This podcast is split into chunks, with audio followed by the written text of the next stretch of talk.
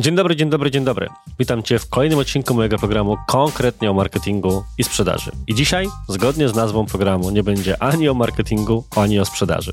Natomiast raz na jakiś czas nagrywam odcinki związane bardziej z przedsiębiorczością prowadzoną przeze mnie firmą i przemyśleniami z tym związanymi. I dziś wziąłem na warsztat temat, który ostatnio, kiedy publikowałem o nim na swoim LinkedInie, na Facebooku, bo raz na jakiś czas tam właśnie tego typu treści publikuję, spotkał się z szerokim odzewem.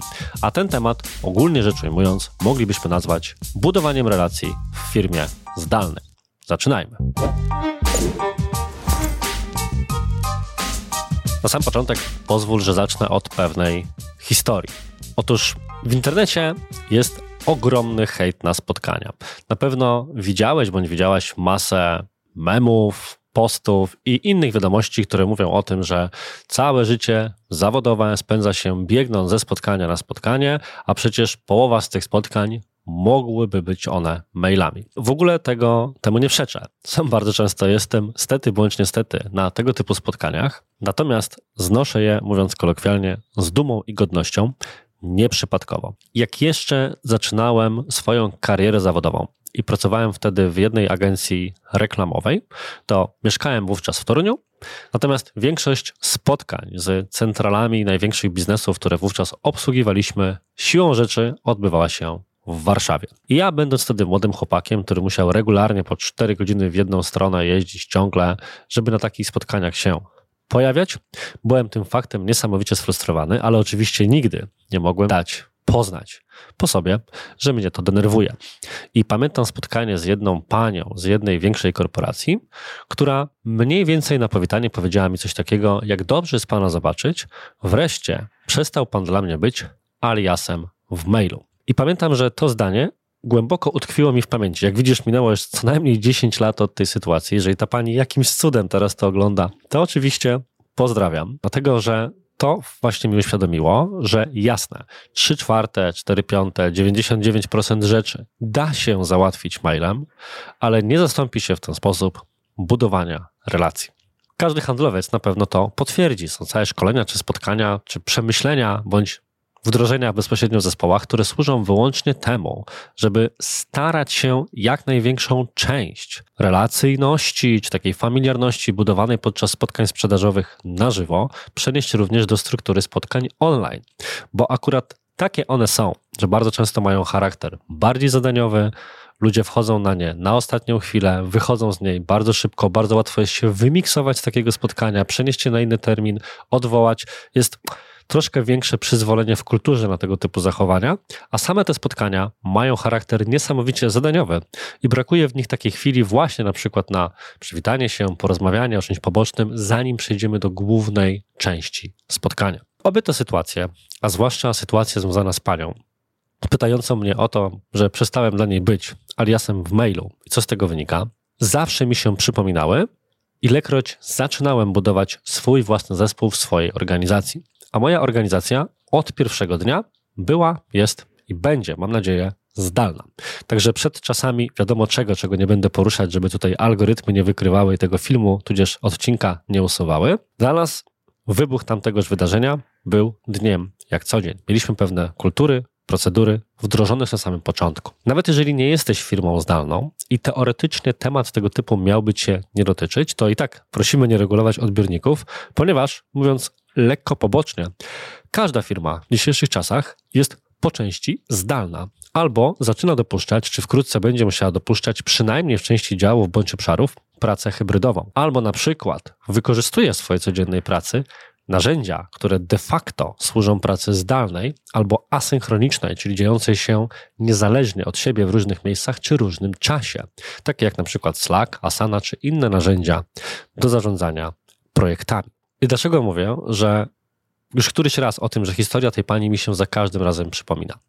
Dlatego, że od samego początku, wiedząc, że buduję organizację zdalną, zależało mi na tym, żeby nie skończyło się to po prostu jak zespół freelancerów, dla których kolega, koleżanka z zespołu jest po prostu aliasem w mailu. Kimś z kimś, jakie zadanie się wykonuje, ale nic poza tym. To mnie prowadzi do dwóch związków, dwóch wątków związanych właśnie z budowaniem kultury organizacyjnej. Jeden jest taki, nie byłbym sobą, tym sobie na to nie pozwolił, odrobinę filozoficzny, a drugi już bardziej narzędziowy. O co chodzi z tym pierwszym filozoficznym? Otóż, jeżeli przed tobą rewolucja pracy hybrydowej czy zdalnej w organizacji, to pamiętaj jedną rzecz.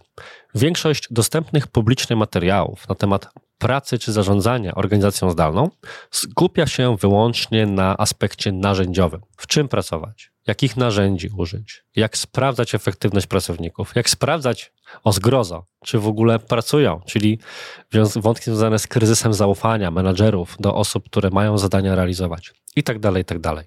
Te wszystkie rzeczy są ważne i trzeba je zaadresować. Natomiast nie zmienia to faktu, że obok i może przejść obok, jeżeli o to nie zadbamy, jest właśnie kwestia kultury organizacyjnej. I to na niej powinniśmy się skupiać, bo oczywiście posługując się wyświetlanym cytatem, po pierwsze, kultura zjada strategię na śniadanie, a po drugie, mówiąc już bardzo down to earth, czyli przyziemnie, po prostu te aspekty sprawią, że twój zespół będzie lepiej zintegrowany i siłą rzeczy będzie chciał te zadania wywoływać.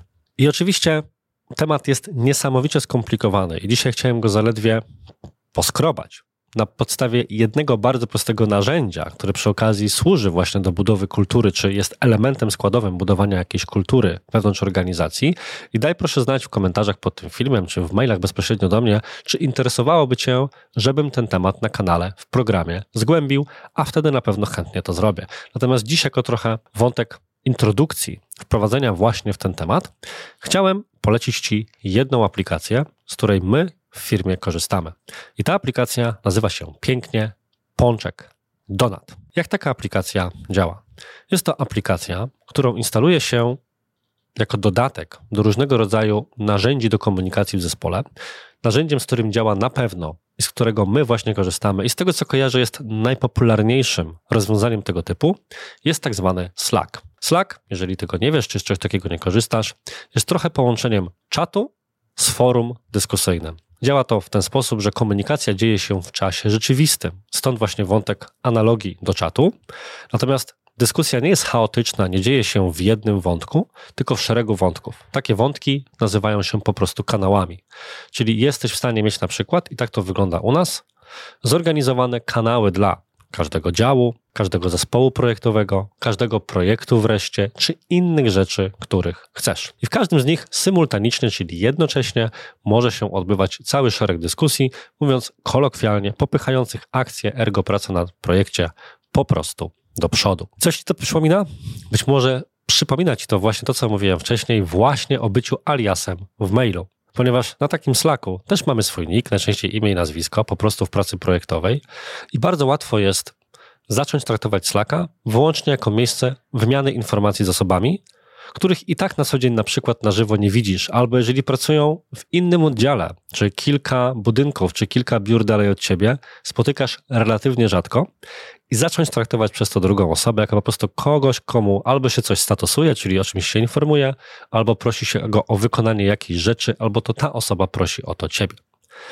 I chcąc właśnie zaadresować ryzyko powstania wyłącznie takiego stylu informacji w firmie, wdrożyliśmy szereg działań, natomiast jednym z nich było właśnie zainstalowanie aplikacji Pączek Donat. I tu bardzo ważna lekcja. Każde narzędzie, i to jest najczęstszy błąd, z którym ja się spotykam, nie pracuje samo i wymaga szeregu reguł, które pozwolą zespołowi się do niego zaadaptować. Na każdą rzecz musi być procedura.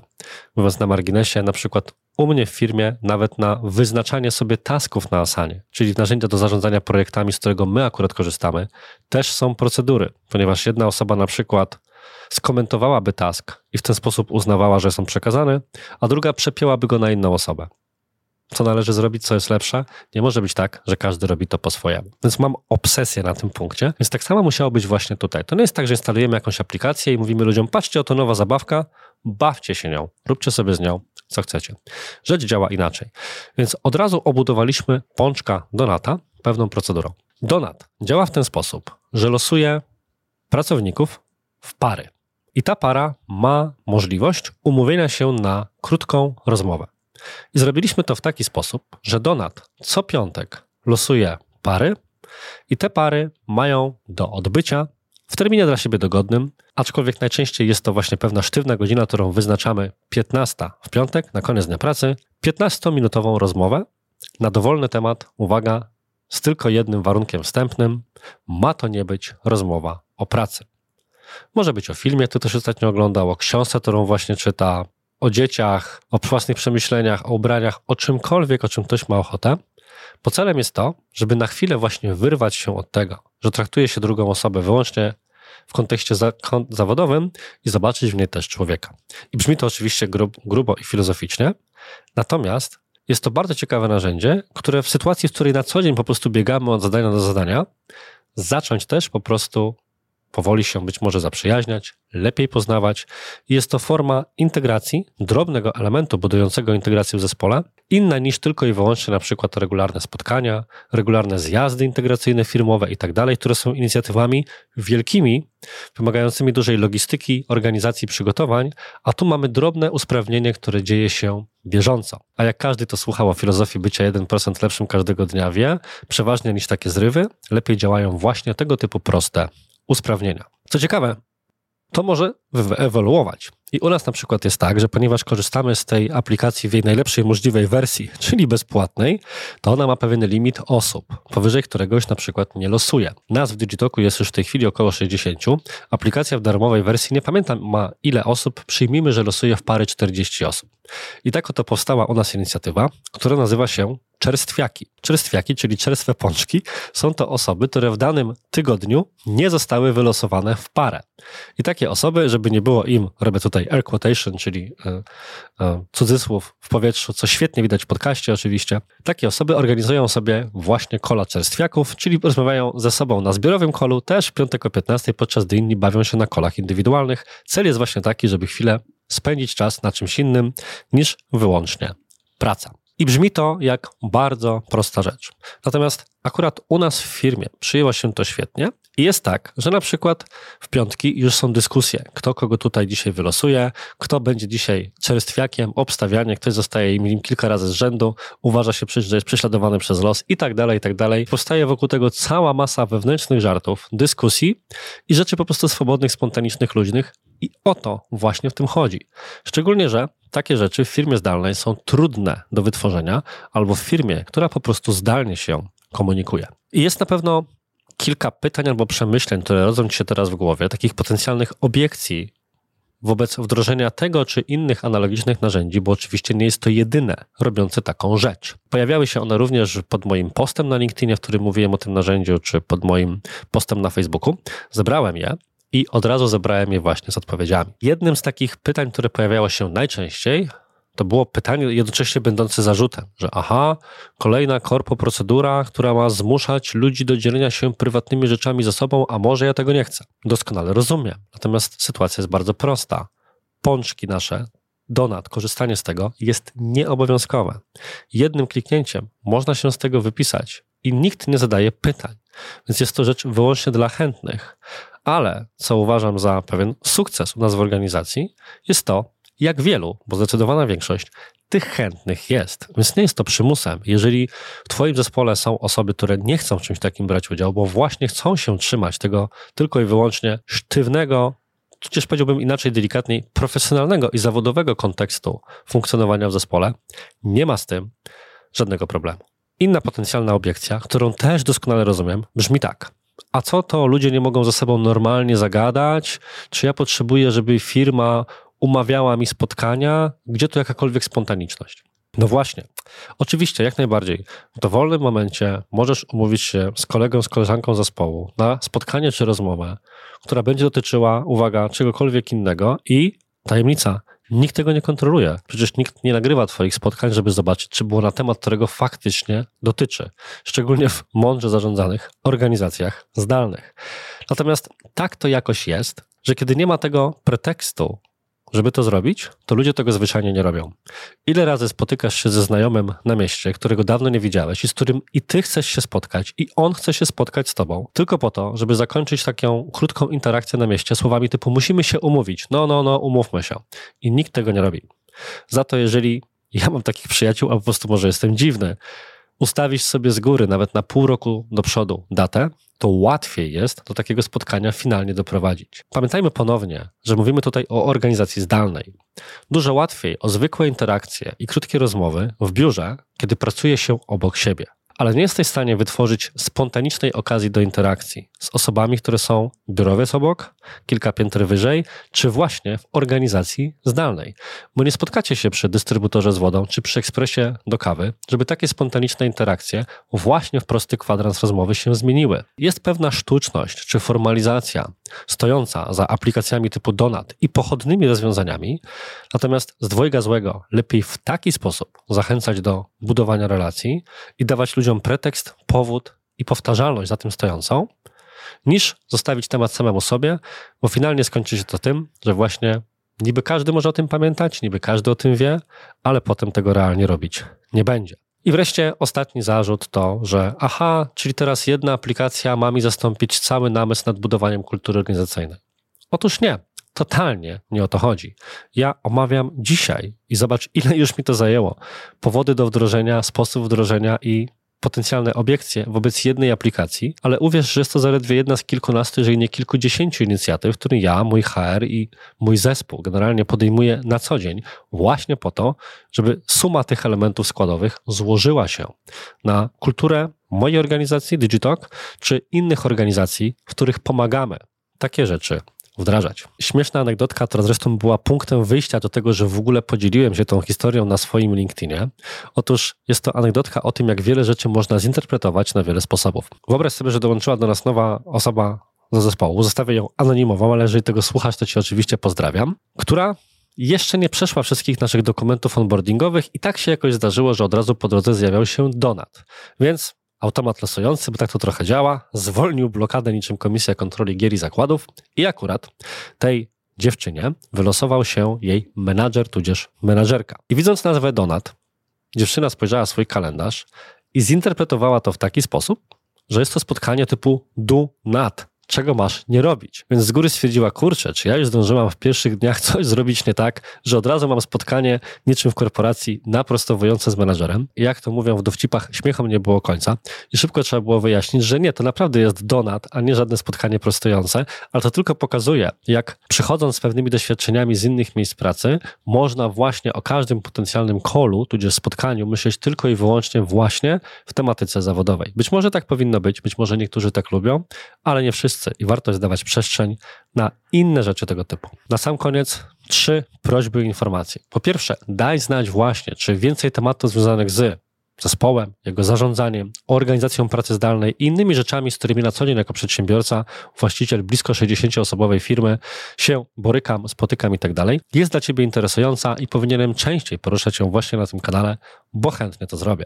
Po drugie, wezwanie do działania. Jeżeli Twoja firma stoi właśnie na przededniu albo nie radzi sobie, bądź chce sobie radzić lepiej z wykorzystaniem narzędzi do pracy zdalnej, wdrażaniem zarządzania zdalnego, problemami organizacyjnymi, procesowymi czy właśnie kulturotwórczymi, to daję Ci znać, że ja i mój zespół konsultantów właśnie takimi projektami również się zajmujemy. Pogadajmy, napisz do mnie, napisz do mojego zespołu, zobaczmy, co możemy zrobić. A jeżeli chcesz być na bieżąco z nowymi odcinkami tej serii, innych serii na moim kanale, to po prostu wciśnij ten mityczny dzwoneczek, jeżeli on jeszcze w ogóle jest. Wciśnij nacisk, przycisk subskrybuj, czy zapisz się na newsletter, a wtedy na pewno informacja o żadnym odcinku Cię nie ominie. Ale dziś to wszystko. Życzę Ci udanego tygodnia. Do zobaczenia. Cześć. Nie wiem, czy znacie. Ponoć jest coś takiego, że jak chcesz znaleźć swój naturalny głos, którym masz mówić, żeby nie męczyć głosu, to robisz coś takiego. Mm, I zaczynasz mówić. To jest twój głos, którym mówisz. Bo naturalnie ci głos wejdzie właśnie tam. Nie za wysokie rejestry, nie za niskie, tylko dokładnie takie, jak masz mówić. No? Nie wiem, czy to prawda, no ale wyczytałem w internecie, więc